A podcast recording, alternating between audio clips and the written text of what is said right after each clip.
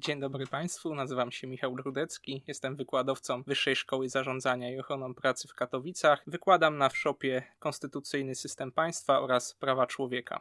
Panie doktorze, spotkaliśmy się w świetle wydarzeń tego, co ostatnio stało się w Buczy. Rosjanie dopuścili się masowego ludobójstwa na ludności cywilnej. Proszę nam powiedzieć, jaki jest pański stosunek wobec tego incydentu? Spodziewał się pan jeszcze usłyszeć o takich działaniach? Cieszę się, że się spotkaliśmy, ale wolałbym się spotkać w innych okolicznościach. Nawet w najgorszych jakichś przypuszczeniach nie, nie, nie mogłem sobie wyobrazić, że dojdzie w samym centrum Europy do wojny konwencjonalnej, znaczy do, do, do takiej agresji jednego państwa na drugie niepodległe państwo i że będą wykorzystane e, środki sprzeczne z prawem międzynarodowym. W ogóle zawsze przed tą sytuacją, jeżeli sobie myślałem czy rozmawiałem e, na temat e, możliwych działań zbrojnych w Europie, to zawsze sobie wyobrażałem, że będzie to wojna niekonwencjonalna, to znaczy z wykorzystaniem nowej technologii, ataków hakerskich, fałszywej propagandy, tak internetowych troli, albo jeżeli dojdzie już do jakichś akcji zaczepnych, to że będą wykorzystane na przykład drony, albo ataki będą podejmowane ściśle na obiekty wojskowe z jak najmniejszym narażeniem nawet nie tylko samych cywilów, co było dla mnie oczywiste, ale i z niewielkim narażeniem e, żołnierzy obcego państwa. Natomiast w życiu nie spodziewałem się, że dojdzie do kolejnego przypadku ludobójstwa, bo tak trzeba nazwać to, co wydarzyło się w Buczy w świetle doniesień, których mamy dostęp. Jakie dokumenty prawne normują działania wojenne? Chodzi mi o to, kto i co decyduje o tym, co można robić na wojnie. O tym, co jest dopuszczalne e, w sytuacji e, działań zbrojnych, regulują to konwencje haskie i konwencje genewskie. I e, istnieją jeszcze dodatkowe akty prawa międzynarodowego, które zakazują i traktują właśnie jako jedne z najpoważniejszych przestępstw zbrodnie ludobójstwa. I absolutnie niedopuszczalnym jest atakowanie cywilów, tak, obiektów cywilnych. To mieliśmy do czynienia w trakcie tej agresji. Były bombardowane szpitale. Oczywiście tam jest pewna uznaniowość, że nie można atakować obiektów cywilnych, chyba że istnieje podejrzenie, że jest on wykorzystywany w celach wojskowych, ale aczkolwiek w sytuacji, tak, atak ostatni w ostatni piątek bodajże na dworzec, na którym czekali uchodźcy, no tutaj absolutnie nie można mieć wątpliwości, że to był obiekt cywilny. Rosjanie także używają środków walki potępianych w prawie międzynarodowym. Także są podejrzenia stosowania broni e, kasetowej, bomb kasetowych, czyli tak ładunków e, zrzucanych e, z powietrza, które wybuchają i zmieniają się na, na, na, na, na setki, tysiące mniejszych ładunków, które albo wybuchają od razu, albo pozostają na długim terenie. To jest bardzo niebezpieczne później dla ludności cywilnej, która nawet długo po działaniach wojennych mo może natrafić na te ładunki. W Wietnamie do tej pory e, jeszcze są przypadki eksplozji takich, takich bomb, a przecież już 50 lat minęło od, od zakończenia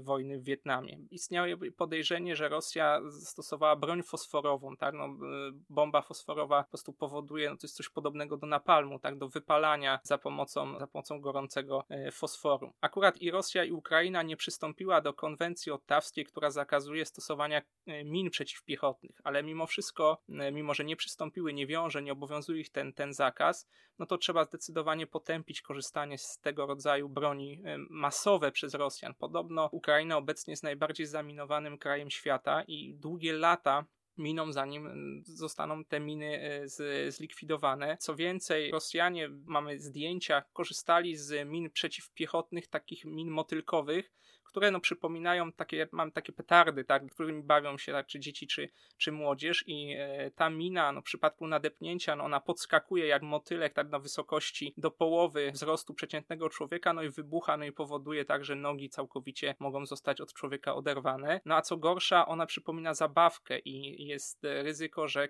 jak te miny gdzieś nie zostaną w pełni, się wbijają, czy w, chociażby w drus, czy gdzieś ukryte są w trawie, no i kiedyś, jeżeli będą się bawić dzieci, to że będzie dochodziło do tragedii. To też przez niektórych ekspertów jest traktowane jako jeden z elementów ludobójstwa, którego dopuszczają się Rosjanie. Tak w ogóle ludobójstwo e, w rozumieniu konwencji o zapobieganiu i karaniu zbrodni ludobójstwa z 9 grudnia 1948 roku i te przepisy są też ponawiane, ta definicja przez krajowe akty prawne, między innymi nasz kodeks karny, no to jest właśnie jeden z czynów dokonany w zamiarze zniszczenia w całości lub w części grup narodowych, etnicznych, rasowych lub religijnych jako takich i polegający na, zabójstwa, na zabójstwie członków tej grupy, na spowodowaniu poważnego uszczerbku ciała lub rozstoju zdrowia psychicznego członków tej grupy, umyślne tworzenie dla członków tej grupy warunków życia obliczonych na spowodowanie całkowitego lub częściowego zniszczenia fizycznego. No i tutaj te bomby motylkowe chociażby, tak, działania w celu no, spowodowania śmierci dzieci nawet długo po całym tym konflikcie. Przymusowe przekazywanie dzieci członków grupy do innej grupy, no tutaj też nie mieliśmy, mieliśmy informacji o jakichś przymusowych przesiedleniach czy wcielaniu do sił zbrojnych, tak, w tych nielegalnych, uznanych tylko przez Rosję republikach Ługańskiej i, i Donieckiej, no to tam one przymusowe wcielenia, tak mężczyźni są ścigani i siłą wcielani do armii wroga, co jest też niezgodne z jedną z konwencji genewskich o ochronie ofiar wojny. Czemu służą w takim razie czystki ludności cywilnej? Jaki jest sens takiej bestialskiej przemocy? Te czystki, y, tutaj jest bardzo duże podobieństwo, zresztą no nie tylko ja je zauważam, do zbrodni ludobójstwa, która była dokonana w Rwandzie. Znaczy me, zawsze mechanizm ludobójstwa jest ten sam. Mamy do czynienia y, najpierw z symbolizacją, czyli sobie wybieramy jakąś grupę y, ludności, która zaczyna się władzy najczęściej nie podobać, tak? My zaczynamy ją nazywać, określać i w przypadku Rwandy, no to Hutu tak nazywali Tutsi, właśnie, że to nie są, nie są ludzie, tak, że oni nam zagrażają. No i tak samo tutaj Rosja, ta propaganda rosyjska używała takich określeń e, wobec Ukraińców, hachłok bodajże. To jest takie pogardliwe jeszcze z czasów kozackich. Zaczynano twierdzić, no, że oni ni nigdy nie powinni mieć swojej państwowości, że to jest tylko kawałek ziemi rosyjskiej danej im tak w użytkowanie. Zaczęto symbolizować. Potem następuje ten etap dehumanizacji, właśnie odbiera się im, odbiera się im godność, tak mówi się, to nie są, to nie są ludzie, że oni są gorsi, że oni nie zasługują, że muszą być jako poddani. I później jest etap przygotowania, to właśnie ta wojna przecież od 2014 e, roku systematycznie była e, przygotowywana, były ostrzeżenia, wywiad amerykański właśnie mm, ostrzegał, że, że, że może nastąpić ten atak, to tylko nikt nie wierzył, tak? Ciągle tutaj myślano, że no Putin jedynie straszy, że nie posunie się aż tak daleko, że to byłoby szaleństwo. No i tak samo dzieje się praktycznie przy każdej zbrodni e, ludobójstwa, że gdzieś ta opinia publiczna może się za bardzo boi, nie chce dopuścić do świadomości, że oni pójdą krok dalej. No i potem po tym etapie eksterminacji, no tutaj w Buczy, prawda, mieliśmy do czynienia no, z, z związaniem, tak, ze strzelaniem w głowę, z zabijaniem i, i starców, i kobiet, i, i dzieci, z gwałceniem kobiet. Później następuje etap wyparcia tego, tak, czyli no tutaj już minister Ławrow mówi, no, że to jest mistyfikacja, że to nie miało miejsca, że to jest tylko propaganda Zachodu e, i NATO. Również nawet same osoby, które będą to dokonywać, no będą wypierać, bo tak, tak to czyniono e, chociażby w Rwandzie, będą wypierać, mówić, że no, oni nic złego nie zrobili, tak, że to no, byli ta, to taka gorsza kategoria, albo że no, to była wojna, że tak się działało, tak się działało na wojnie. I to może nastąpić w każdym kraju, tak, tu trzeba właśnie bardzo dbać o to, żeby zatrzymać na tym etapie klasyfikacji i symbolizacji, czyli właśnie na tym dzieleniu na my, oni, tak, na lepsi i gorsi, ponieważ ten mechanizm występuje w wielu krajach, tylko że no, jeżeli się uda zatrzymać w tym etapie, no to nie dochodzi do tego najgorszego. Panie doktorze, głośno się teraz mówi o procesie denazyfikacji. O co w nim chodzi? Tak, proces denazyfikacji to polega na uznaniu, że Ukraina zaczyna wprowadzać taki ustrój ściśle nacjonalistyczny i właśnie wrogi Rosji, zbliżony, tak inspirowany nazizmem i faszyzmem. Ale to jest oczywiście taki typowy pretekst, takie straszenie ideologią nazistowską powoduje uzyskanie poparcia dla swoich działań przez społeczeństwo rosyjskie, bo w, szczególnie wśród starszych jeszcze osób, no to wciąż y, dominuje ten lęk przed y, nazistami, tak? bo naziści w y, czasie wojny no, zaatakowali ich kraj, no i dotarli właśnie aż daleko, tak daleko, ostatecznie zostali odparci, ale no gdzieś to zarzewie istnieje, no i ono pozostało w Ukrainie. Ale to jest klasyczny taki taki argument uzasadniający mm, ludobójstwo, to znaczy danie, usprawiedliwienie tych czynności polegających na ludobójstwie w oczach własnego narodu, własnego społeczeństwa, że stworzenie poczucia nieistniejącego albo minimalnego często poczucia zagrożenia. I znowu tak samo w, było w Rwandzie w 1994 roku. Ten me mechanizm był identyczny. Tam Hutu twierdziło, że to Tutsi, tak ich członkowie innego plemienia również stwarzają dla nich zagrożenie, że oni za to y, są, to jest spuścizna kolonizatorów francuskich, którzy tak, gdy gnębili ich kraj przez, przez lata, no i że oni będą nadal to robić, dopóki się nie zrobi z nimi porządku. No to tutaj mamy tak samo czysto propagandowy straszak związany z tym nazizmem panującym niby w Ukrainie. A czy można nazwać nazizmem po prostu dążenie do zachowania niepodległości swojego kraju oraz do integracji z Zachodem? Absolutnie, absolutnie nie. Tutaj władze rosyjskie nie mogą się pogodzić z tym, że Ukraina no, chce się odłączyć, tak nie, nie chce pozostawać w orbicie wpływów rosyjskich. Ale co ciekawe, co ciekawe, co ciekawe, ale i smutne, to ta propaganda rosyjska znajduje, znajduje, odnosi sukces, ponieważ mm, w, w świetle e, jakichś badań najnowszych, z którymi się spotkałem, 83% Rosjan popiera tą agresję na Ukrainę. No właśnie nie, nie jestem w stanie tutaj stwierdzić, czy te badania są, na ile one są rzetelne, czy nie.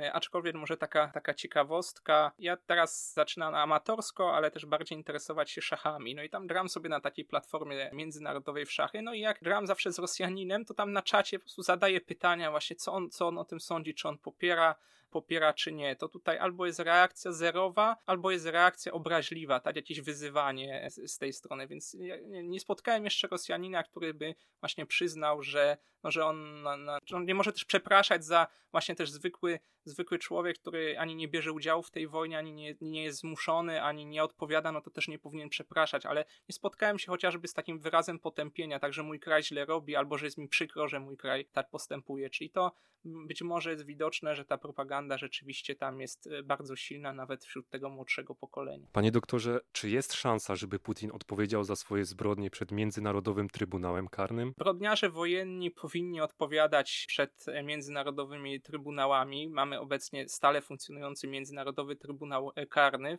W przypadku zbrodni w Rwandzie był odpowiednio Międzynarodowy Trybunał do spraw Rwandy i do spraw byłej Jugosławii w przypadku zbrodni na terenach byłej Jugosławii. Natomiast jeśli chodzi o Rosję, to Rosja wycofała swój podpis pod traktatem ustanawiającym ten Międzynarodowy Trybunał Karny w 2016 roku. W ogóle Rosja też z, zapowiedziała wycofanie się z Rady Europy, tak opuszczenie Rady Europy, czyli ona już nie chce należeć do tego grona krajów cywilizowanych, demokratycznych, przestrzegających praw człowieka. Natomiast y, Ukraina Ukraina za to bodajże w 2014 albo 2015 roku, zaraz też po tych pierwszych wydarzeniach ingerujących w jej integralność terytorialną, złożyła mm, taką deklarację, aby jurysdykcja Międzynarodowego Trybunału Karnego była rozciągnięta na czyny popełnione na jej terytorium, właśnie związane ze zbrodniami wojennymi, ludobójstwem czy zbrodniami przeciwko ludzkości. Więc osoby, które dopuszczają się, na przykład ci e, zwykli żołnierze, którzy dopuszczają się gwałtów, fer albo, albo innych czynów, czy tych zabójstw, które można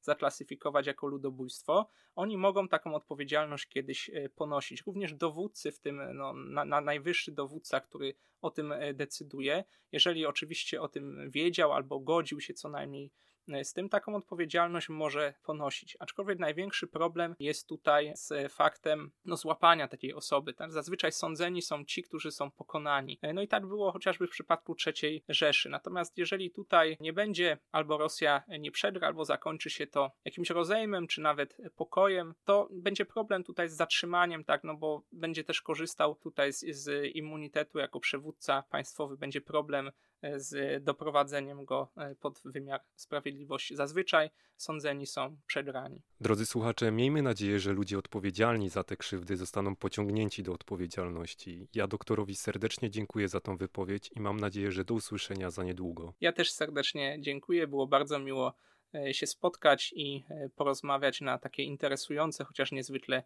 smutne tematy. Do usłyszenia.